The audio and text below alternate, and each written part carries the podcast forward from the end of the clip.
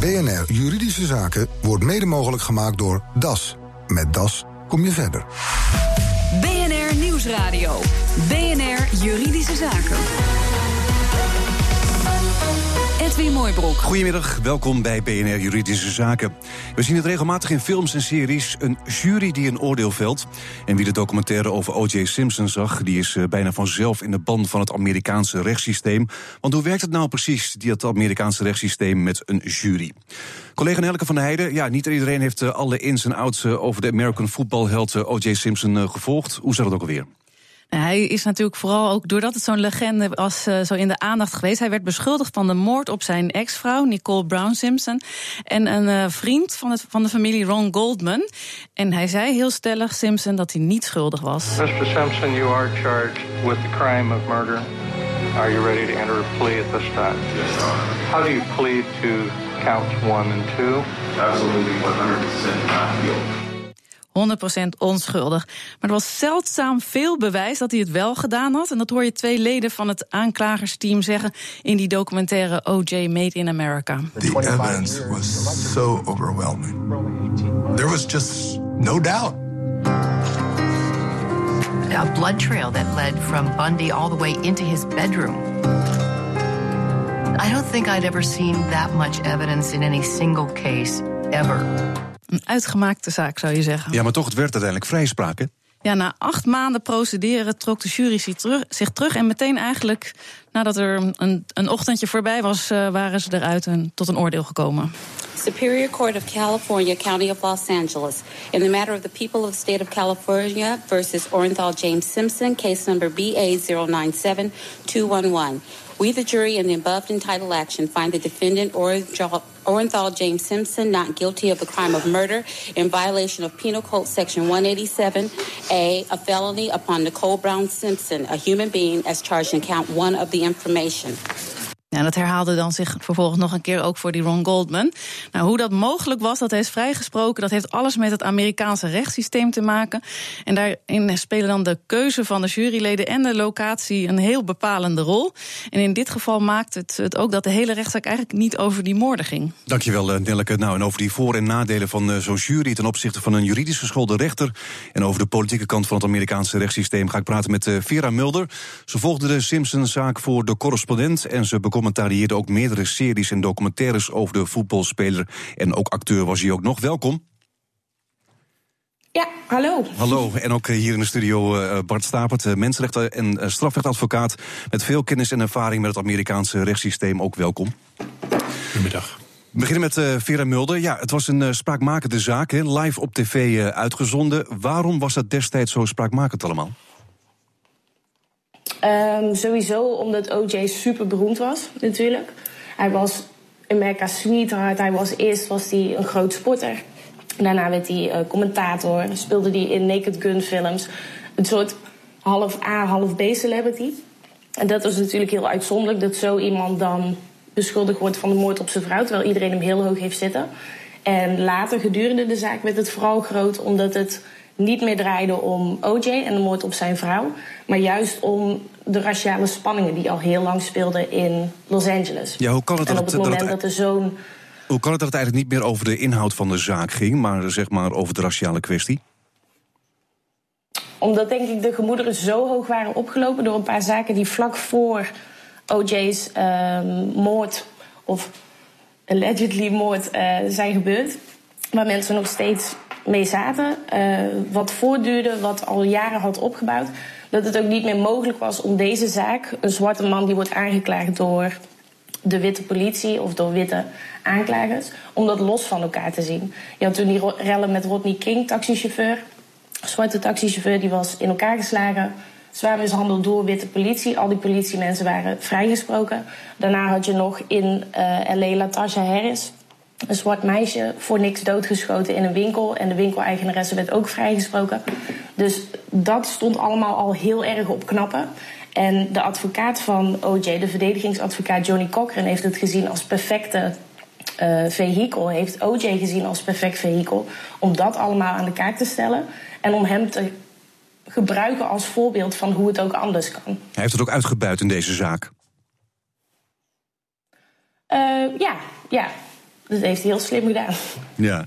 Uh, Bart Stapert hier in de studio. Is het uniek dat het eigenlijk uh, niet meer over de inhoud uh, ging? Nou, op zich niet. Want je probeert natuurlijk als verdediging uh, daar waar ruimte lijkt te zitten, ook die ruimte te nemen. En in dit geval uh, gaat het, uh, het ging inderdaad om die twee recente zaken, maar het gaat natuurlijk om ja, de, het racisme wat heel diep geworteld zit in de Amerikaanse samenleving. En uh, ja, je kan daar van allerlei analyses op loslaten. Maar vanuit verdedigingsperspectief, ik bedoel, ik heb het zelf ook gedaan bij juryprocessen, dat je probeert die jury uh, ja, op alle mogelijke manieren zou je kunnen zeggen, te bespelen. Maar heeft u ook de racismekaart gevoerd? Zeker, ja? ja zeker. Want dat, dat, dat, dat werkt in zo'n zaak. Nou ja, en, en, en niet geheel onterecht, weet je. Uh, want uh, die, die situaties zijn er nu eenmaal. Er is 400 jaar slavernij uh, geweest, in zekere zin. Er zit een enorm racistisch verleden in die Amerikaanse samenleving... wat tot op de dag van vandaag in zekere zin nog doorwerkt. Zeker in het strafrechtssysteem. Dus er is een voedingsbodem. Mm -hmm. En die voedingsbodem komt dan tot uiting bijvoorbeeld in wantrouwen... binnen de zwarte gemeenschap richting de politie. En als je dat kunt ja, bespelen in zekere zin. En dat kon in dit geval, en dat is een fout van uh, wat mij betreft het Openbaar Ministerie in deze zaak geweest, door Mark Furman, een blanke uh, politieagent met behoorlijk ja, racistisch achtergrond, om die ook te laten getuigen. Daarmee hebben ze in wezen zichzelf ook een stukje kwetsbaar gemaakt. Ja, maar O.J. Simpson had een goede band eh, met, met, met de politie eigenlijk. Uh, hij was dan wel zwart, maar hij had ze eigenlijk zijn hele zwarte achtergrond was hij toch een beetje vergeten. Maar toch was het heel belangrijk in, de, in deze zaak dan, dat je dat toch zo kan gebruiken. Ja, nee, maar goed, dat is, kijk, dat, dat is het, het bespelen van, kijk, er spelen allerlei dingen, uh, denk ik, een rol. Maar wat, wat in de documentaire ook heel goed naar voren komt en wat, wat, wat denk ik uh, op de achtergrond meespeelde, is dat dit voor, de, voor een aantal juryleden voelde alsof dit een manier was om uh, to get even. Om, om uiteindelijk de, de, de, de stand weer min of meer gelijk te trekken. Want er is natuurlijk heel vaak een situatie geweest waar. Uh, zwarte mensen onterecht zijn veroordeeld, ofwel waar blanke mensen uh, niet zijn veroordeeld of niet eens zijn vervolgd voor moord op zwarte mensen. Dus dat heeft niks met deze zaak te maken, nee. maar dat speelt op de achtergrond en daar ja, dat heeft een voedingsbodem gecreëerd waar Johnny Cochran en het defense team hier heel goed op hebben ingespeeld. Maar is dat eerlijke rechtspraak? Nee, ja, het hangt er maar een beetje vanaf wat je als eerlijk beschouwt. Maar was dit een terecht vonnis? Ja, daar kun je uh, zeker ook als je kijkt naar de documentaire en dingen die Simpson uh, na afloop bijvoorbeeld tegen vrienden zou hebben gezegd, uh, kun, je, kun je daar wel je twijfels bij hebben. Zeker. Ja, ja want Vera Mulder, die uitspraak, vrije spraak, kwam eigenlijk als een verrassing. Um, nee. Nee, dat denk ik niet. Ik denk wel dat het voor heel veel witte mensen als verrassing kwam. Dat het voor heel veel zwarte mensen een soort opluchting was in die tijd. Maar ik denk dat als je de zaak hebt gevolgd, dat je al in de gaten had dat ze eigenlijk al na de eerste nou, anderhalf, twee weken had de aanklagers, aanklagende partij eigenlijk al verloren. En dat was omdat de racismekaart werd gespeeld? Ja, maar ik vind wel het gebruik van racecard of van racismecard, het gebruik van die termen is op zich wel vrij gevaarlijk, omdat het meestal wordt gebruikt om de rol van racisme binnen een zaak af te doen als, ja, als gezeik of om de validiteit ervan te ondermijnen. Mm -hmm. En uh, die term wordt ook gebruikt, weet je, door witte mensen die vinden dat zwarten zich onterecht beklagen. Yeah. En dan was het in het geval van OJ wel degelijk zo, maar ik denk dat dat ook alleen maar de uh, spanningen en het onderlinge onbegrip alleen maar heeft vergroot. Het was een beetje de, de omgekeerde boy who cried wolf. Weet je, die riep drie keer dat er een wolf was. Was niks aan de hand. Vierde keer riep hij, het was er echt een wolf. Toen geloofde niemand er meer. Yeah. Bij OJ was het meer andersom. 400 jaar riepen mensen ongelijkheid, racisme. Niemand luisterde, terwijl het wel terecht was. En toen riep OJ het en toen was het niet waar. Maar dat zorgde natuurlijk ook voor dat je onder heel veel witte mensen het idee krijgt... oh, uh, ze gebruiken inderdaad racisme als verweer, mm -hmm. terwijl het helemaal geen racisme is. En nu, nu komen ze, tussen aanhalingstekens, nog weg met moord ook. Maar nu is deze zaak behandeld door een jury. Hè? Hoe, hoe is die jury toen destijds uh, samengesteld? Um, nou ja, ze hebben eigenlijk twee verschillende juries gehad. Bijna volledig verschillende juries. Ze zijn begonnen met um, acht zwarte, één witte, één half wit, half American en twee Hispanics. En uiteindelijk heeft Johnny Cochran heel slim bijna alle juryleden waarvan hij het idee had dat ze gingen neigen naar vrijspraak, heeft hij laten vervangen door in hun achtergrond allemaal dingetjes uit te zoeken waardoor ze toch ongeschikt bleken als jurylid. Dus uiteindelijk was de verhouding tussen zwart-wit uh, nog meer in het voordeel, als je dat zo kunt zeggen, van de verdediging. Er zaten negen zwarte, één Hispanic, één witte yeah. in de uiteindelijke jury.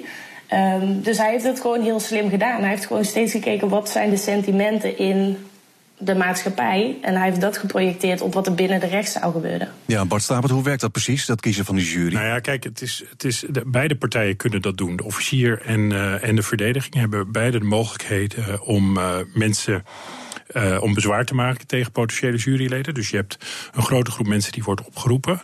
Uh, in, in een zaak als deze eh, zijn dat honderden in zekere zin. Ik heb zelf ook doodstrafzaken gedaan waar, waar een paar honderd mensen uh, worden opgeroepen. Maar op basis waarvan kies je dan een jury? Wie pik je eruit? Wie zeg je van nou ik heb jou er liever niet in en jou wel? Nou, in eerste instantie ga je, moeten die mensen allemaal vragen beantwoorden. En op basis van die vragen kijk je of er sommige mensen zijn die echt niet geschikt zijn. Omdat ze bijvoorbeeld familie zijn van de politie die het onderzoek heeft gedaan. Of van een verdachte of nou, die mensen die gaan allemaal zo, zogenaamd voor cause naar huis. Uh, ofwel omdat mensen al helemaal voor ingenomen zijn met betrekking tot de schuldvraag. Uh, die mensen mogen ook naar huis. Dan hou je een groep mensen over en daar mogen beide partijen uh, in strepen. En dan begin je bij nummer 1, zeg maar. En ja, je streept door totdat er twaalf overblijven. En dan nog een paar hoe heet het, reserveleden. Mm -hmm. En dan heb je een jury. Dat is de jury. En daar hebben beide partijen dus in die zin een gelijke invloed op. Zowel de verdediging als de officier van justitie. En als je dat goed doet, dan hou je, als je het goed doet vanuit het objectieve perspectief. Maar kan je, maar kan je zeg maar wel op uiterlijk selecteren bij de jury? Ja, dat kan en dat doe je ook. Alleen uh, als dat te duidelijk wordt dan uh, kan de andere partij daar een bezwaar tegen maken. Dus mm -hmm. als jij alleen maar blanke mensen wegstreept als verdediging, dan, uh, dan mag dat niet. En dan kan de verdediging daar, dan kan de officier van justitie daar een bezwaar tegen maken. Andersom is het ook zo dat als een officier alle zwarte mensen bij wijze van spreken weg zou strepen, dan mag dat ook niet. Dus het is racisme en omgekeerd racisme mag je, mag je niet uh, uh, gebruiken om die jury samen te stellen. Uiteindelijk is het idee dat je een groep mensen overhoudt die onbevooroordeeld naar het bewijs kunnen kijken. En die ook niet al te extreem zijn in hun opvattingen mm -hmm. over politiek, over het recht. Maar, maar dat is zoals het op papier staat. Maar werkt het op papier ja, staat. Ja, maar werkt het in de praktijk ook zo? Nou ja, dat hangt een beetje van de kwaliteit van de, van de spelers af. Dus als jij een, een, een goed openbaar ministerie hebt en een goede verdediging, dan werkt het in de praktijk wel zo. Maar soms heb je natuurlijk daar een beetje verschil tussen. Dus... Maar kan je met de samenstelling van uh, een jury, hoe een jury is samengesteld, kan je daarmee de uitkomst van een zaak bepalen? Absoluut, ja. Nee, dat is zeker. toch niet eerlijk dan? Nou ja, maar kijk, uh, wij gaan in, in Nederland, om het dan even terug te brengen naar Nederland, uit van een soort objectieve rechtspraak. Maar ook in Nederland is het zo dat de ene rechter de andere niet is. En, en een stukje subjectiviteit in het recht bestaat nu eenmaal, omdat het mensenwerk is. Dat is in theorie in ieder geval in het Amerikaanse recht wel geminimaliseerd, omdat er ook twaalf juryleden zijn. Alleen in de praktijk, ja, het is maar net hoe, hoe goed ben je in die juryselectie. En die juryselectie. Uh, ik zie dat altijd als een beetje een spel. Ik vind het een heel mooi spel om te doen. Yeah. Maar het heeft heel erg natuurlijk te maken met, met het psychologisch inzicht. Jij, jij staat als advocaat voor die mensen. Je stelt ze vragen, ze beantwoorden. Uh, en, en, en, en dan moet je op basis van die antwoorden een selectie maken van is dit iemand die ik waarvan ik denk dat die goed is voor mijn zaak. Mhm. Mm -hmm. en, en dan heb je ook nog verschil of het een moordzaak is of, of, of een autodiefstal bij wijze van spreken heb je misschien ook nog weer andere juryleden voor nodig. Ja, want, want Vera, ook de locatie was bepalend hè, in dit geval. Klopt, ja. In eerste instantie zou de zaak dienen in Santa Monica, vlakbij waar de moorden gepleegd waren. En dat heeft uh, Gil Garcetti, dat was de openbaar aanklager van LA toen, de hoogste, die heeft het toen verplaatst naar downtown LA. En ja, dus er is nog steeds niet helemaal duidelijk waarom ze dat nou gedaan hebben. Sommige mensen zeggen dat was omdat het uh, gerechtsgebouw in Santa Monica beschadigd was door een aardbeving. Andere mensen zeggen die zaal in uh, LA die was erop ingericht. Op zo'n grote zaak met heel veel pers en heel veel ruimte voor publiek. Um, maar volgens mij had het ook een beetje te maken, en dat is super dom geweest van Gil Garcetti, dat hij ervoor heeft gekozen om het in downtown te doen, omdat hij daar relatief meer zwarte en Latino's wonen dan in Santa Monica. Dat is een hele witte gemeenschap. En hij zei: nee, OJ deserves a jury of his peers, dus een jury van gelijken. Maar hij heeft het denk ik ook voor een groot deel gedaan omdat hij toen nog de ambitie had om burgemeester te worden van Los Angeles.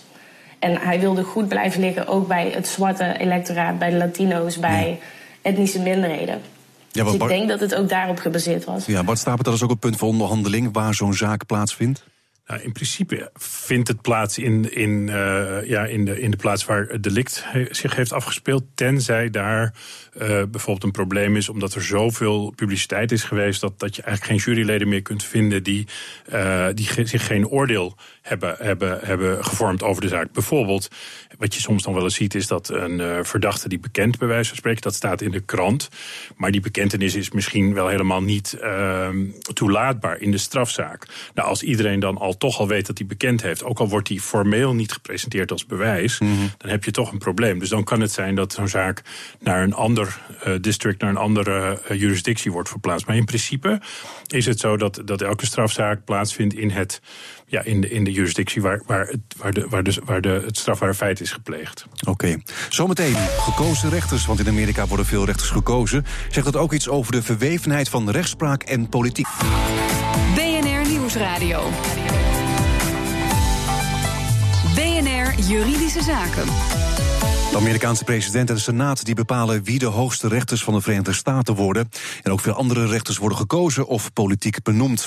En maakt het de rechtspraak in Amerika een politieke aangelegenheid? Ik ga het vragen aan mijn gasten van vandaag, Vera Mulder van de correspondent en strafrechtadvocaat Bart Stapert. Ja, meneer Stapert, is het een goede zaak dat rechters worden gekozen of politiek benoemd?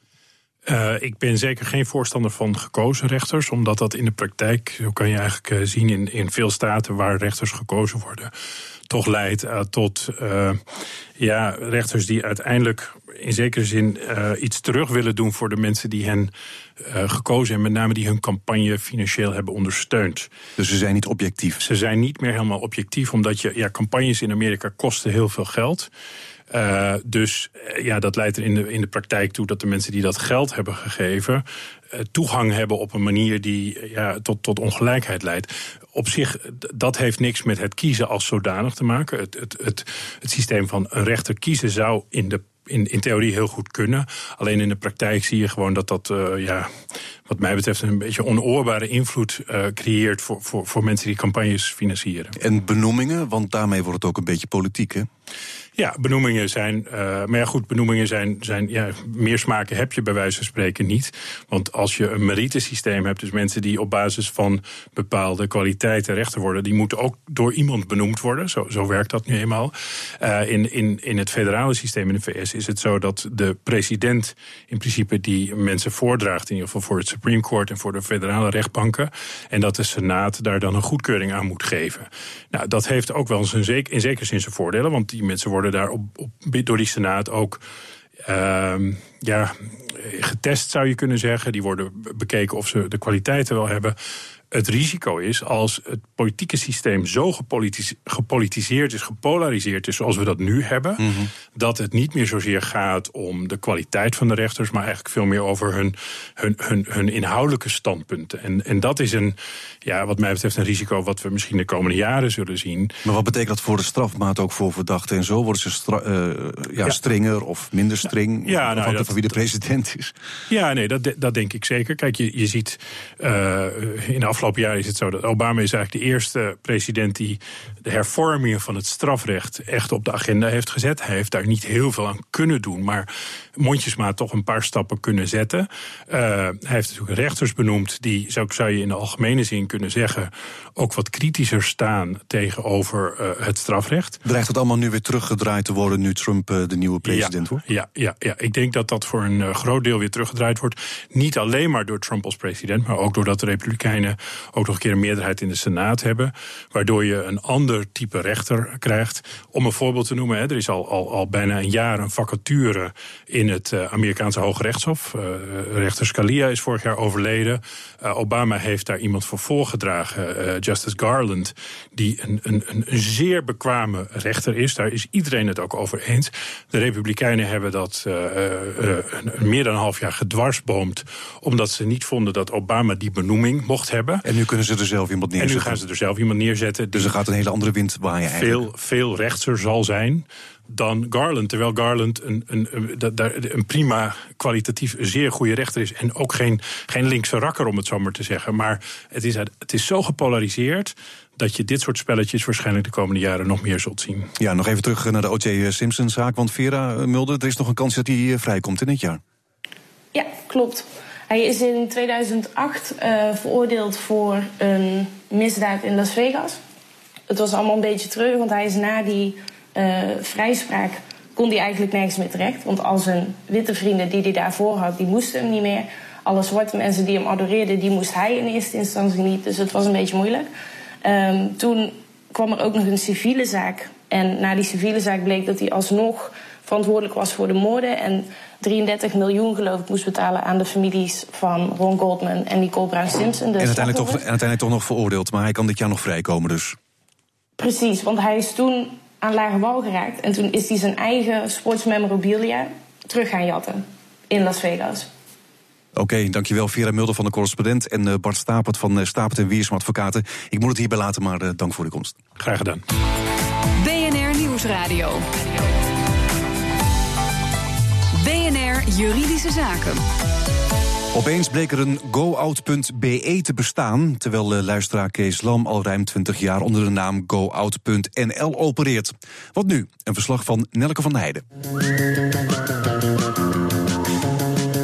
Kees Lam, je hebt een mooie uitjessite, goout.nl, en dat loopt al een tijdje aardig goed? Ja, dat gaat heel leuk. De laatste twintig jaar uh, hebben we al heel veel leuke uitjes bedacht en uitgevoerd. En uh, heel veel mensen zijn met plezier met ons mee geweest. Nou, dat klinkt goed. Je kijkt dus op de site en je ziet een uitje en dan kun je je aanmelden. Ja, van een weekendje weg tot uh, een, een, middagje en, en heel divers. We doen bijna elke maand wel iets wat we nog nooit eerder gedaan hebben. Maar opeens is er ook een Belgische co-out? Ja, vorige week zat ik op internet rond te kijken en zag ik ineens co-out.be.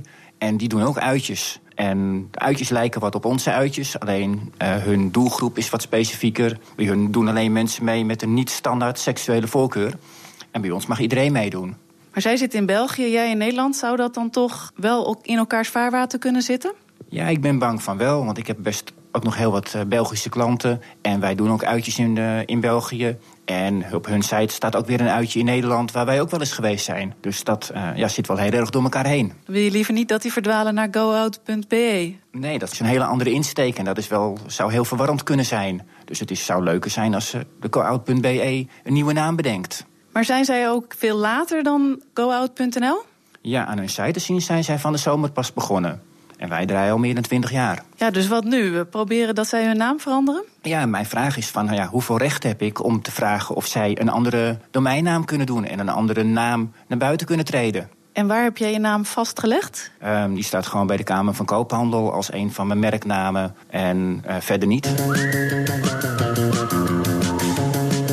Menno Wij van Solve Advocaten. Kan Kees Lam iets beginnen tegen de Belgische co-out? Ik denk dat dat een lastig verhaal wordt. Uh, als eerste, hij heeft geen merken. Hij zei, ik heb mijn naam bij de Kamer van Koophandel geregistreerd. Dus hij heeft geen merkrecht.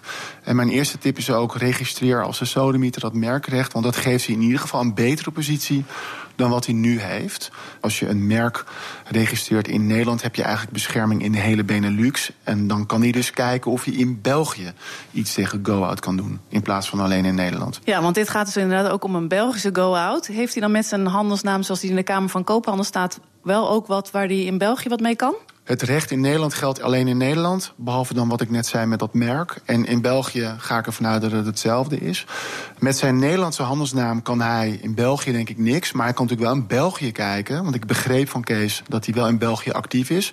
Wellicht heeft hij in België rechten opgebouwd. Een handelsnaamrecht of iets anders. En kan hij vanuit Belgisch recht iets doen. Maar dat weet ik dus zelf niet. Maar tip, probeer dat wel even te checken bij een Belgische advocaat. En nou gaat die Belgische go-out ook naar Nederland toe. Kan hij daar dan wat mee? Ik denk dat je dan naar twee punten moet kijken. Namelijk handelt de Belgische go-out in zijn algemeen onrechtmatig.